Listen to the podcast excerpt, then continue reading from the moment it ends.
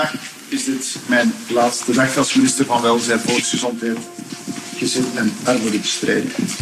Vlaams minister van Welzijn Wouter Beke stapt op. Hij is na voorzitter Joachim Koens al het tweede CD&V-kopstuk in een week tijd dat de stal verlaat. Ik ben fier op wat ik met de hele ploeg hier op het kabinet, met mijn collega's, de voorbije 2,5 jaar heb kunnen realiseren. Verwezenlijkingen die nauwelijks de kranten hebben gehaald, maar toch als mijlpalen zullen kunnen beschouwd worden. En als we eerlijk zijn, dan zagen we het ontslag van Beke wel al een tijdje aankomen. Want na een hoplog coronaparcours... Het moeilijke evenwicht tussen de strijd tegen het virus en het oog voor het mentale welbevinden was voortdurend balanceren op een slappe poort. En de dood van een baby in een crash in Mariakerke stormde het stevig op zijn departement. Maar het overlijden van een baby in Mariakerke heeft mij meer aangegrepen dan ik aan de buitenwacht wilde toegeven. Wordt de crisis voor CD&V nu nog een stukje zwaarder of net niet? En kan kandidaat-voorzitter Sami Medi nu echt met een schone lijst starten als hij verkozen wordt? We praten erover met Bart Brinkman, senior writer van onze politieke redactie. Het is vrijdag, 13 mei. Ik ben Marie Garé en dit is vandaag, de dagelijkse podcast van de Standaard.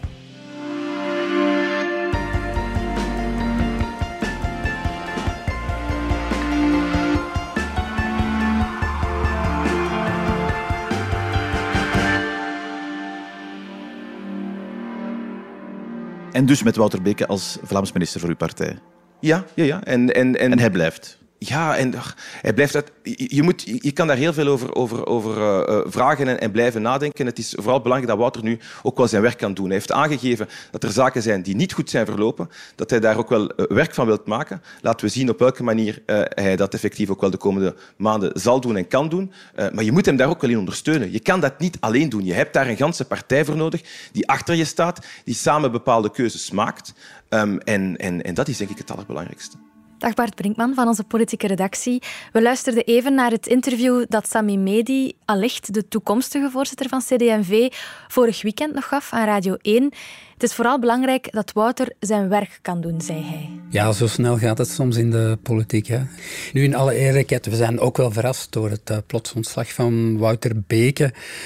Maar ja, ik denk wel dat Sami Medi een beetje opgelucht is dat Wouter Beke toch vertrekt, omdat hij zal gegarandeerd de volgende voorzitter worden. Wellicht uh, ergens eind juni zal hij in Plopsaland, uitgerekend daar, gekroond worden. En dan is het toch altijd goed dat je met een propere lijk kunt starten. En hoe dat je het draait of keert, de aanwezigheid van Wouter Beke, ja, sleepte toch een beetje achter hem aan. En je voelde van dat hij daar toch wel een gesprek mee zou moeten hebben dat wellicht niet goed zou aflopen. Ja, dan is het beter dat het vooraf gebeurt. Durf je zeggen dat het Medi eigenlijk goed uitkomt dan? Dit komt Medi goed uit. Dit komt ook CDMV goed uit. Uh, ik denk dat ook Wouter Beke dat zelf heeft ingezien dat het zowel zijn partij als de toekomstige voorzitter goed uitkomt. Ja, en als je die analyse maakt, ja, dan kan je maar beter vertrekken. Zelf zei Beke dat hij zuurstof wou geven aan zijn partij door zijn ontslag. Ik doe dit ook om de partij zuurstof te geven. Is dat wat er nodig was, de partij zuurstof geven? Ja, dat denk ik wel. Er, er, er kwamen natuurlijk verschillende problemen samen. Ik denk ook dat Beke nooit ontslag zou genomen hebben, mocht de partij stabiel zijn en een goede voorzitter hebben. En het ja, niet zo slecht zou doen in de peilingen. Nu, al die voorwaarden waren niet vervuld. De partij doet het echt slecht in de peilingen. Onze eigen uh, peiling, de stemming van, van vorige week, ja, wees erop dat de partij op dit moment zowat de zwakste partij in Vlaanderen was. Als je weet dat die ooit van 20, 30 procent kwamen, dan is dat wel een zeer zware dobber, ook voor de militanten. Er is dan ook een probleem met de voorzitter. Joachim Koens kwam niet goed uit de verf. Warge communicatie, uh, waarschijnlijk toch niet helemaal goed gecast. Zwat. Ja, die was ook vertrokken, of die ging ook vertrekken. De, de, normaal gezien gingen uh, gisteravond de, de hele procedure worden beslist om de, de nieuwe voorzitter aan te wijzen. Dus ja, als je, als je dat allemaal samentelt, ja, dan is het natuurlijk goed dat, dat de lucht gezuiverd is. Dat, dat het een beetje misschien koud aanvoelt, maar wel zuiver en proper. En dan kun je starten. Wat wordt Wouter Beke precies verweten dat hij niet goed deed op zijn departement? Ja, dat is, dat, is, dat is een beetje een moeilijk en, pijnlijk verhaal, maar je zou het kunnen samenvatten ja, dat het te veel via het hoofd ging en te weinig via het hart. Welzijnsdepartement is natuurlijk niet makkelijk. Het gaat over heel veel geld, maar de noden zijn nog groter, dus je schiet altijd tekort. Hè. Je, hebt, je hebt tien vingers, maar er zijn twaalf gaten, dus het, dus het zal ergens lekken. En dat is dat is een beetje een probleem. Nu, Wouter Beek is iemand die heel sterk is in de analyse, maar ja, misschien minder goed in het uitvoeren van een bepaalde strategie of van een bepaald beleid. En daarbovenop komt een, laten we zeggen, een communicatieprobleem. Nu, een communicatieprobleem klinkt een beetje platjes of een beetje goedkoop. Maar het is iemand die, die ja, zeer rationeel communiceert. En op een departement als welzijn heb je soms meer behoefte aan empathie. En ja, er zijn toch een aantal crisissen geweest waaruit bleek dat die empathie echt uh, ja, afwezig bleef. Te beginnen hebben we ja, natuurlijk een ongeziene gezondheidscrisis gehad, met, met heel veel doden in woonzorgcentra. Mensen die dikwijls ook helemaal alleen moesten sterven door omstandigheden. Nu kan je hem dat niet verwijten, maar de omgang met dat probleem was misschien iets te, iets te rationeel, iets te kil, omdat het uiteindelijk over, over moeders en vaders gaat die, die, komen, die komen te sterven. Hij heeft dat dan kunnen rechttrekken met een heel succesvolle vaccinatiecampagne. Het meest fier ben ik op de vaccinatiecampagne die ik als voorzitter van de interministeriële conferentie voor ons land in goede banen heb geleid en die Vlaanderen op de wereldkaart heeft gezet. Maar dan kregen we het probleem rond de kinderopvang, waar hij toch ook zeer analytisch te werk ging, met weinig toch met weinig gevoel voor ja, de moeilijke werkomstandigheden van, van die onthaalouders, het grote aantal kinderen. Ja, en dan komt daar een dramatisch voorval bij, waarbij een kind door, of een baby, zes maanden oud, door, ja, feit onderzoek loopt nog, maar waarschijnlijk toch tot, door bepaalde handelingen van in dit geval een onthaalvader, uh, ja, ja, letterlijk wordt doodgeschud. En, en dan heeft hij dat ook proberen uit te leggen. Proberen ook te zeggen, ja, het is een probleem van, van gebrekkige controle. En ja, daar kan ik misschien niet alles aan doen. En dat is natuurlijk wel waar. Niemand verwijt Wouter Beke dat hij verantwoordelijk zou zijn voor dat drama. Maar er zijn gebeurtenissen waarbij een minister misschien beter de verantwoordelijkheid neemt en aan de publieke opinie toont van kijk, dit vind ik zo erg dat ik daarvoor mijn mandaat in de weegschaal leg. En dat is iets wat hij absoluut niet kon. Dat gaf de indruk dat hij zich toch iets te veel aan zijn ambt vastkleefde, dat hij zich wat vereenzelvigde met zijn mandaat en dat is nooit gezond. Ja, want zelf zegt hij dat de dood van dat kind hem wel heel hard heeft aangegrepen. Maar dat zal ook wel. Ik bedoel, er is geen haar op mijn hoofd die daaraan twijfelt. Alleen kon hij dat onvoldoende verwoorden. Maar het overlijden van een baby in Mariakerke heeft mij meer aangegrepen dan ik aan de buitenwacht wilde toegeven. En dat werd ook toegegeven door bijvoorbeeld Hilde Krevits, die, die, met wie hij heel lang daarover gepraat heeft. En die ook zei van, ja, ik weet dat het hem heel diep geraakt heeft, maar hij had dat beter ook getoond. Dat heeft hij zelf on the record bij ons in een, uh, in een interview verteld. Dus ja, dat geeft toch wel aan dat er ja, dat er een probleem van functioneren was en dat iemand die als voorzitter altijd gefetteerd werd door de partij, ja, eigenlijk als minister heel de tijd de kritiek heeft opgestapeld. Zouden we dan kunnen stellen dat dit ontslag gewoon te laat komt? Ik vind van wel. Ik heb altijd gedacht dat mocht hij onmiddellijk ontslag hebben genomen na het uitkomen van dat drama, dat heel wat mensen dat zouden hebben gewaardeerd. Omdat je dan inderdaad een signaal geeft van er is iets fout gelopen in de Vlaamse administratie. Ik weet misschien niet waar. En ik kan niet alles overzien, dat, dat begrijpen de mensen ook. Je kan als minister, je kan niet alles doen. Hè. Ook, ook ambtenaren moeten hun werk doen.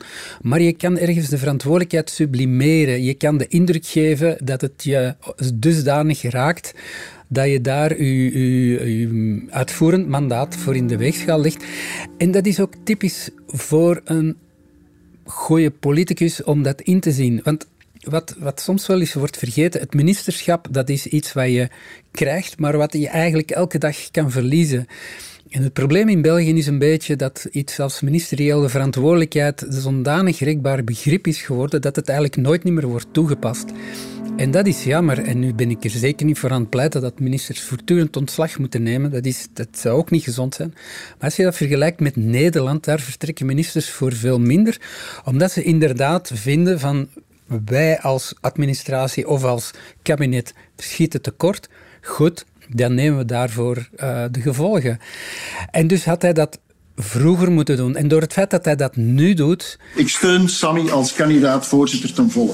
Koppelde hij dat veel meer aan het voortbestaan of een verse start voor Sammy Medi dan aan die dramatische gebeurtenis van dat kind. En dat is eigenlijk ja, weer fout. Want dan geef je de indruk van mijn partij komt eigenlijk, is belangrijker dan wat er met dat kind is gebeurd. Ik bedoel, ik denk niet dat hij dat denkt, maar je suggereert dat. Dus ja, het komt te laat. En over zijn ontslag zelf dan. Het was misschien een beetje typisch Wouter Beke. Hij begon de persconferentie met een ellenlange lijst van dingen die hij goed gedaan heeft, zijn realisaties.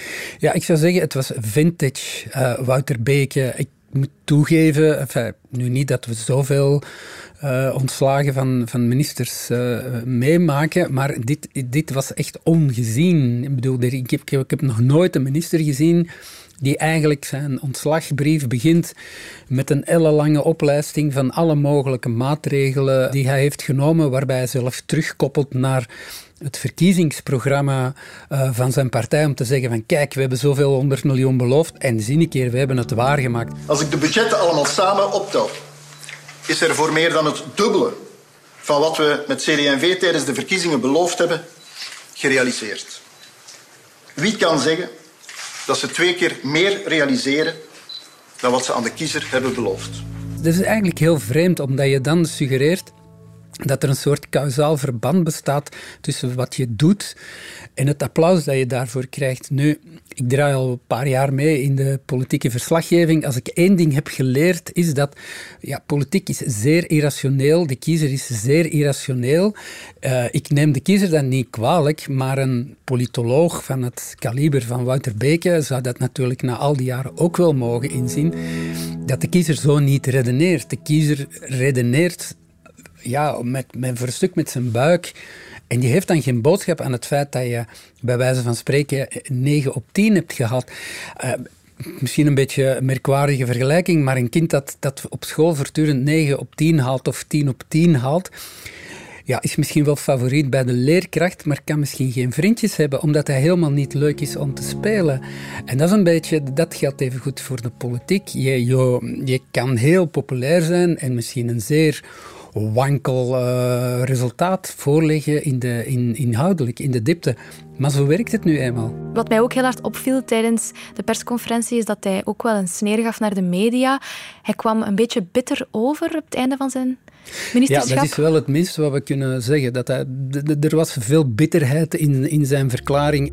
Beste journalisten, ook politici zijn maar mensen. En ergens begrijp ik dat wel. Ik, ik ik vind dat we daarin eerlijk moeten zijn. Uh, we hebben hem ja, hard aangepakt. Er zijn harde analyses verschenen over Wouter Beke. En misschien waren sommige analyses te hard. Alleen, ja, het, het zijn zeer moeilijke tijden geweest. Zeker voor hem natuurlijk, met een heel moeilijk beleid. Uh, zeker in de begintijd van corona, met lockdowns en, en toch heel veel doden in, in woonzorgcentra, ja, dan moet je daar ergens tegen kunnen. Dan moet je ergens kunnen vatten dat je eigen autoriteit ter discussie wordt gesteld. En misschien is dat niet altijd fair, maar goed, dat overkomt evengoed andere politici. En dat denk ik een van de een van de dingen waar politici ook mee moeten leven, dat is dat, dat ze niet altijd open doekjes krijgen. Maar ik denk wel, zelfs al was de kritiek hard, ik denk dat we die altijd wel hebben geprobeerd te argumenteren. Maar ik kan me voorstellen, en, en ja, ik, misschien zijn andere kranten nog veel harder geweest. Ik wil zeker niet, uh, niks zeggen over collega's. Maar ik kan me voorstellen dat dat niet aangenaam om lezen was en dat dat uiteindelijk ook wel een stevige druk zet op een, op een familie, op, op zijn vrouw en op zijn kinderen en op, op zijn hele omgeving. Dat dat ja, niet eenvoudig is, ja, dat snap ik. Maar de druk kwam zeker niet alleen van buitenaf. Binnen de partij lag hij ook niet helemaal goed sinds dat hij minister is geworden. Kan je dat nog eens even duiden? Beetje, hij, is, hij is echt ongelukkig gestart. En dat kan hij alleen maar zichzelf verwijten. Hij is heel lang voorzitter geweest, hè, negen jaar, van 2010 eh, tot 2019. Daarvoor is hij zeven jaar ondervoorzitter geweest. Dus het is toch een hele lange tijd dat je je bezig gehouden met, met de partij. En eigenlijk het ironische of het beetje dramatische is dat hij als voorzitter steeds ongecontesteerd was. Hij heeft in het begin als ondervoorzitter veel gaten moeten dichtrijden, waren veel personeelswissels en zo. Daarna was hij voorzitter, steeds herkozen met, met Stalinistische scores, geen tegenkandidaat. Hij was er ongelooflijk fier op. Maar dan in 19, ja, hij die eigenlijk een ongelooflijk goede politieke analist is, ziet het, ziet het verlies van zijn eigen partij niet komen. Hè. Ze zakken naar een voor hen toch weerzinwekkende 15 procent. Ondertussen is het al veel lager. En hij beseft, oké, als voorzitter is mijn, mijn liedje uitgezongen als premier of als vicepremier, uh, ja, zal het, zal het allemaal niks worden. Maar ik zou toch graag beloond worden met een uitvoerend mandaat. En ja, dat heeft de manier waarop dat, dat allemaal heeft, heeft uh, uitgespeeld, heeft echt kwaad bloed gezet. Het was echt bijna een flagrante vorm van zelfbediening. Juist op een moment dat je als partij natuurlijk voor een historisch moment staat, omdat je ja, na verkiezingen, zeker bij een regeringsdeelname, dan kan je, kan je uitpakken met nieuwe namen. Kan je, kan je proberen de vernieuwing in gang te zetten. Ja, en dat lukte dan eigenlijk niet, want Hilde Krevits bleef zitten. Zij was ook lijsttrekker geweest. En dan komt Wouter Beke eraan en dan door een gelukje omdat uh, eh, NVA een beetje over uh, het hart heeft gestreken, hebben ze gezegd, goed, we gaan een post laten aan jullie. En dan is uh, Benjamin Dalle erbij gekomen. Maar jij kan van Benjamin Dalle moeilijk zeggen dat hij de toekomst van de, van de partij belichaamt. Dus, en dat, dat is echt blijven nazinderen in die fractie, waar natuurlijk ook anderen dachten dat ze kans gingen maken om minister te kunnen worden. En er is niks zo pijnlijk als een chagrijnig parlementslid dat dacht, eigenlijk zit hij op mijn plaats. En wie gaat er nu op zijn plaats zitten? Dat is een goede vraag. We weten het niet. Je hebt uh, geen idee? Nee, we hebben echt geen idee. En dat, dat geeft ook aan hoe snel dit allemaal gegaan is. Het is een kwestie van... Goed, hij heeft wellicht al een paar weken eerder nagedacht. Misschien moet ik dan toch vertrekken. Er is er zal her, en der wel gepraat zijn. Maar de versnelling is van vandaag. En dus blijkbaar is Jan Jan Bon ook maar tien minuten voor, het, eh, voor de eigenlijke persconferentie uh, ingelicht. De snelheid geeft aan dat, en ook het feit dat, dat er geen opvolger is, uh, dat, het, dat het allemaal heel plots is gekomen. Dus ik denk dat we tot na het weekend moeten wachten wie er minister wordt. Maar ik durf echt geen voorspelling te wagen. Ik weet het echt niet. Is het dan toch een emotionele beslissing geweest van Wouter Beke? Daar geloof ik nu niet van. Zo zit hij gewoon niet in elkaar. Dat zit in uw hoofd en we weten dat hij op een bepaald moment ook aan Jan Jan Bon heeft, heeft om raad gevraagd van vind je dat dit uh, een reden moet zijn om te vertrekken? Dateert van een paar maanden geleden. Maar de Vlaamse regering had net een stikstofakkoord. zat een beetje uh, de, nieuwe. er ging wat nieuwe dash komen. ja, dan is zo'n ontslag natuurlijk geen goede zaak. En dus Jan Bon heeft hem zeker niet aangemoedigd.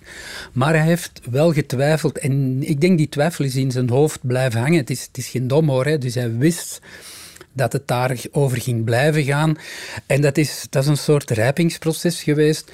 Maar natuurlijk, de, gebeurtenissen gaan heel snel. Hè. Je hebt de publicatie van de peiling. Uh, Koens vertrekt bijna onmiddellijk.